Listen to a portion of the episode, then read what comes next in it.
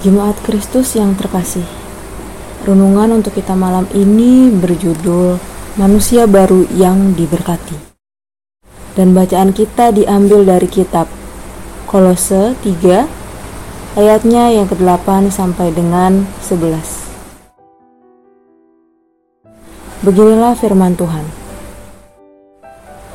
Tetapi sekarang, buanglah semuanya ini, yaitu marah, geram, kejahatan, fitnah, dan kata-kata kotor yang keluar dari mulutmu.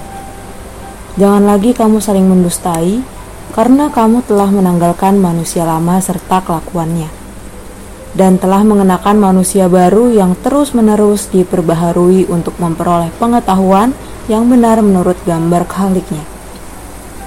Dalam hal ini tiada lagi orang Yunani atau orang Yahudi, orang bersunat atau orang tak bersunat, orang barbar atau orang skit, budak atau orang merdeka, tetapi Kristus adalah semua dan di dalam segala sesuatu. Kita patut bersyukur Tuhan menonton kita sehingga dapat merayakan perjamuan kudus dan mensyukuri kasih Tuhan melalui peristiwa Paskah. Kita kembali dituntun untuk merasakan kasih yang begitu luar biasa dari Tuhan. Kita yang dahulu terkungkung dalam dosa, kini dibebaskan dan menjadi manusia yang merdeka bersama Tuhan. Lalu, bagaimana kita menghayati ini secara lebih konkret lagi? Bacaan kita pada hari ini menuntun kita untuk memahami lebih konkret lagi tentang hidup dalam kebenaran firman Tuhan.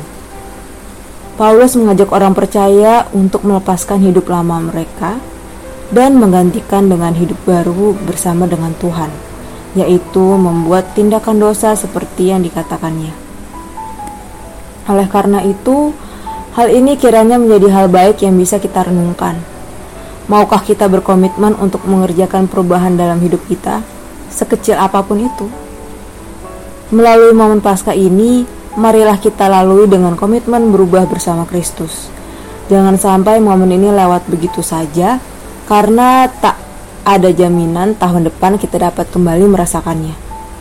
Terlebih lagi, ini menjadi penting karena kita adalah pribadi-pribadi yang sudah diberkati oleh Tuhan. Jangan sia-siakan itu. Demikianlah renungan malam ini. Semoga damai sejahtera dari Tuhan Yesus Kristus tetap memenuhi hati dan pikiran kita. Amin. Jemaat yang terkasih, mari kita bersatu hati menaikkan pokok-pokok doa yang ada dalam gerakan doa 21 GKI Sarwa Indah. Mari berdoa.